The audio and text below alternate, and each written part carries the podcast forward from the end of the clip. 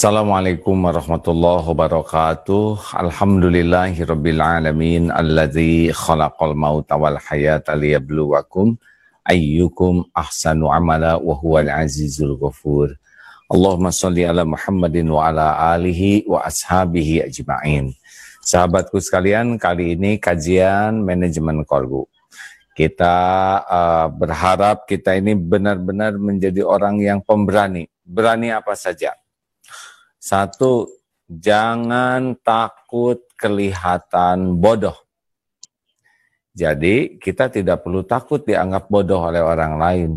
Yang harus kita takuti itu adalah justru kita tidak mengakui kebodohan kita. Jadi orang-orang yang merasa diri pintar, dia akan awet dalam kebodohan. Jangan takut untuk bertanya, jangan takut untuk meminta saran, meminta pendapat, walaupun untuk hal yang sederhana mungkin remeh, tapi tidak usah takut. Daripada kita tidak tahu, tidak apa-apa dianggap bodoh. Karena memang kita bodoh. Yang bahaya itu adalah kita ingin dianggap pintar, padahal kita bodoh. Ayo, jadilah pemberani. Jangan malu untuk bertanya. Jangan takut untuk disebut sebagai orang bodoh. Tidak apa-apa. Beranikan diri untuk mengetahui walau hal sederhana sekalipun, walau hal yang mendasar sekalipun. Kita tidak akan rugi dan celaka disebut orang bodoh oleh orang lain. Yang rugi itu adalah kita bodoh sungguh-sungguh karena kita tidak mau belajar. Yang rugi itu adalah kita ingin diakui sebagai orang pintar, padahal kita bodoh kita munafik. Ayo kawan-kawan sekalian,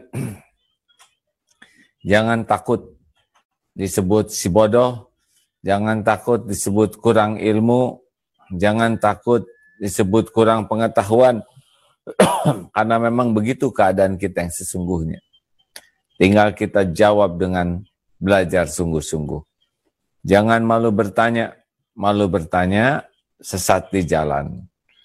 Jangan takut dianggap orang bodoh.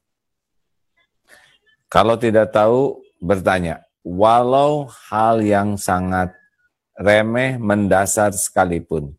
Karena keperluan kita adalah kita jadi tahu. Tidak ada keperluan kita dengan penilaian orang. Mau dianggap apa pun oleh orang lain, terserahlah. Yang penting kita jadi pintar dari waktu ke waktu. Dan kuncinya adalah Jangan takut dianggap sebagai orang bodoh. Jangan malu untuk bertanya, jangan malu untuk meminta saran dan pendapat, karena keuntungan kita adalah bertambahnya ilmu, pengetahuan, wawasan kita setiap waktu. Terserah orang mau menilai kita bodoh atau apa pun, tidak ada urusan dengan kita. Urusan kita adalah menjadi lebih baik dari waktu ke waktu. Satu itu. Yang kedua, jangan takut untuk mengaku salah. Kalau kita salah, akui salah. Jangan sibuk memberi alasan, mengadang-adakan alasan, padahal kita tahu kita salah. Jangan berbelit-belit kita ingin dianggap benar kalau kita salah. Kalau salah, akui salah, minta maaf, pikul resiko atas kesalahan kita. Kita harus segera bebas dari kesalahan kita. Kalau itu kesalahan kepada Allah dan ditutupi dosanya, tobat tanpa harus dibeberkan. Kalau itu kesalahan kepada orang, akui. Saya salah, saya minta maaf. Orang tidak akan terhina dengan menjadi orang yang jujur. Orang tidak akan terhina dengan menjadi orang yang bertanggung jawab. Orang tidak akan terhina menjadi orang-orang yang memperbaiki diri. Hmm, orang itu akan terhina kalau tidak jujur, orang terhina kalau dia tidak bertanggung jawab. Maka kalau salah, akui salah. Minta maaf, Kalaupun harus memikul tanggung jawab konsekuensi dari kesalahan kita, pikul. Rasakan bedanya hadirin. Wah kalau gitu orang meremehkan kita dong sebagai orang bersalah. Ya, tidak ada Pak, tidak ada masalah. Itu kalau kita dihina karena kita sudah ngaku, kalau kita ada konsekuensi hal yang pahit karena kita sudah jujur, kita sudah mendapatkan pahalanya. Pahala jujur, kalaupun menyakitkan omongan orang, kita jadi penggugur dosa. Oleh karena itu, jangan takut untuk meminta maaf. Jangan takut untuk uh, bertanggung jawab atas kesalahan kita. Dunia cuma sebentar. Kita selesaikan di dunia. Tidak ada yang gawat, tidak ada yang bahaya di dunia ini selain kita tidak diampuni oleh Allah selain kita tidak dimaafkan orang karena kita tidak mau minta maaf dengan ikhlas dan sungguh-sungguh. Jangan takut dianggap bodoh. Jangan takut mengakui kesalahan dan meminta maaf, ya. Apalagi yang sangat penting yang kecil-kecil seperti ini. Jangan takut untuk memulai kalau mau naik ke, ke tangga yang tinggi, harus mulai dari tangga pertama. Jangan takut untuk memulai. Pokoknya mulai, ya. Ingin bisa berenang, harus berani masuk ke air. Ingin bisa berkuda, harus berani mendekati kuda.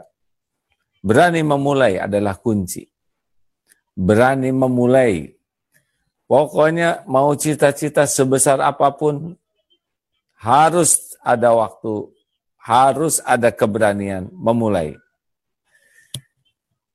Kita insya Allah kalau sungguh-sungguh memulai dengan niat yang benar dan cara yang benar, Allah akan menuntun kita. Walladina jahadu fina lanahdiyannahum subulada. Dan orang-orang yang berjihad di jalan Allah bersungguh-sungguh mengeluarkan segala potensi, segala daya, segala kemampuan di jalan yang Allah sukai, Allah pasti akan menunjukkan jalan-jalannya. Maka jangan pernah takut untuk memulai. Mulai kalau toh perencanaan, perhitungan kita sudah benar. jangan memulai kalau kita tidak melakukan persiapan dengan baik. Awali memulai itu dengan merencanakan dan mengadakan persiapan. Jangan takut apa lagi? Jangan takut gagal. Jangan takut gagal. Kita memang tidak boleh sembrono, tidak boleh uh, tidak boleh ceroboh. Semua harus kita persiapkan dengan baik. Gagal dalam persiapan biasanya memang mempersiapkan kegagalan. Tetapi ada kalanya persiapan sudah bagus, maksimal dan kita fail, gagal, tidak apa-apa. Kegagalan itu adalah pembelajaran dari Allah. Banyak yang mengatakan gagal pada sesungguhnya dia dapat banyak hal. Kalau dia gagal, maka dia dapat ilmu mengapa gagal. Dia dapat pelajaran bagaimana mengatasi kegagalan. Dia bisa mengajari orang supaya tidak tergelincir dalam kegagalan. Gagal itu sebetulnya tidak ada. Yang gagal asli itu adalah su'ul khotimah. Kalau dalam hidup ini banyak yang terjadi yang tidak sesuai dengan harapan walaupun kita sudah merencanakan tidak identik dengan kegagalan. Karena boleh jadi yang baik menurut kita belum tentu baik menurut Allah Subhanahu wa taala. Sikapi sesuatu yang kata orang gagal sebagai sebuah aset bagi kita. Aset untuk evaluasi diri, aset untuk pengalaman, aset untuk menyikapi situasi yang pahit dan sulit. Dan ini aset. Benar ada yang mengatakan kegagalan adalah kesuksesan yang tertunda. Kalau menurut Asih, kegagalan adalah bagian dari kesuksesan. Jadi kalau kita usaha ini gagal, usaha itu gagal, nah itu semua harus jadi sebuah aset evaluasi diri, pembelajaran, dan pelatihan bagi kita untuk bisa melangkah lebih baik. Seperti kita jalan, sudah kita perhitungkan, tiba-tiba ada terperosok ke dalam. Ya, kita sudah tahu ilmunya. Ilmu terperosok, mengatasi terperosok, bagaimana supaya tidak terperosok lagi, dan bagaimana membantu orang supaya tidak terperosok. Jangan takut. Apa yang pertama tadi? Jangan takut dianggap bodoh. jangan takut mengakui kesalahan dan mempertanggungjawabkannya, jangan takut untuk memulai, jangan takut untuk jangan takut mengalami kegagalan. Tidak ada yang 100% sesuai dengan harapan dalam hidup ini. Dan yang terakhir adalah yang kelima, jangan pernah takut dengan penilaian orang. Nah, ini penting ini. Jangan takut dengan penilaian orang. Karena yang berbahaya bagi kita bukan penilaian buruk orang lain, tapi penilaian buruk dari Allah Subhanahu wa taala. Jadi kita sangat sibuk untuk PDLT, perbaiki diri dan lakukan yang terbaik. Dan kita lakukan lillahi ta'ala. Kita memperbaiki diri bukan untuk dipuji orang, bukan untuk dikagumi orang, bukan untuk uh, dihargai orang.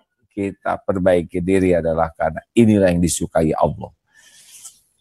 Tidak mungkin semua orang akan menyukai kita, Ha, tidak mungkin setiap orang akan respect kepada kita dan itu tidak ada masalah. Yang penting PDLT, perbaiki diri, lakukan yang terbaik dan lakukan yang terbaik pun bukan untuk penilaian, bukan untuk balasan, bukan untuk kekaguman dari orang, tapi kita lakukan karena Allah menyukai orang yang melakukan yang terbaik.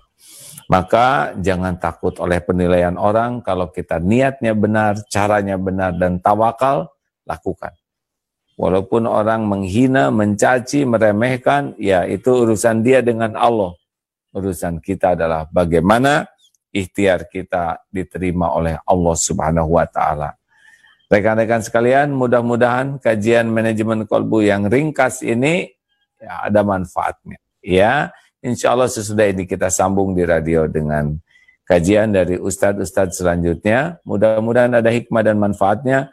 Selamat mengevaluasi diri, jangan takut dianggap bodoh, jangan takut mengakui kesalahan dan mempertanggungjawabkan, jangan takut memulai, jangan pernah takut dianggap gagal, dan jangan takut dengan penilaian orang. Bagi kita, wakafa billahi syahida, cukuplah Allah yang menjadi saksi. Demikian sahabatku sekalian, seri ini mudahan berlanjut.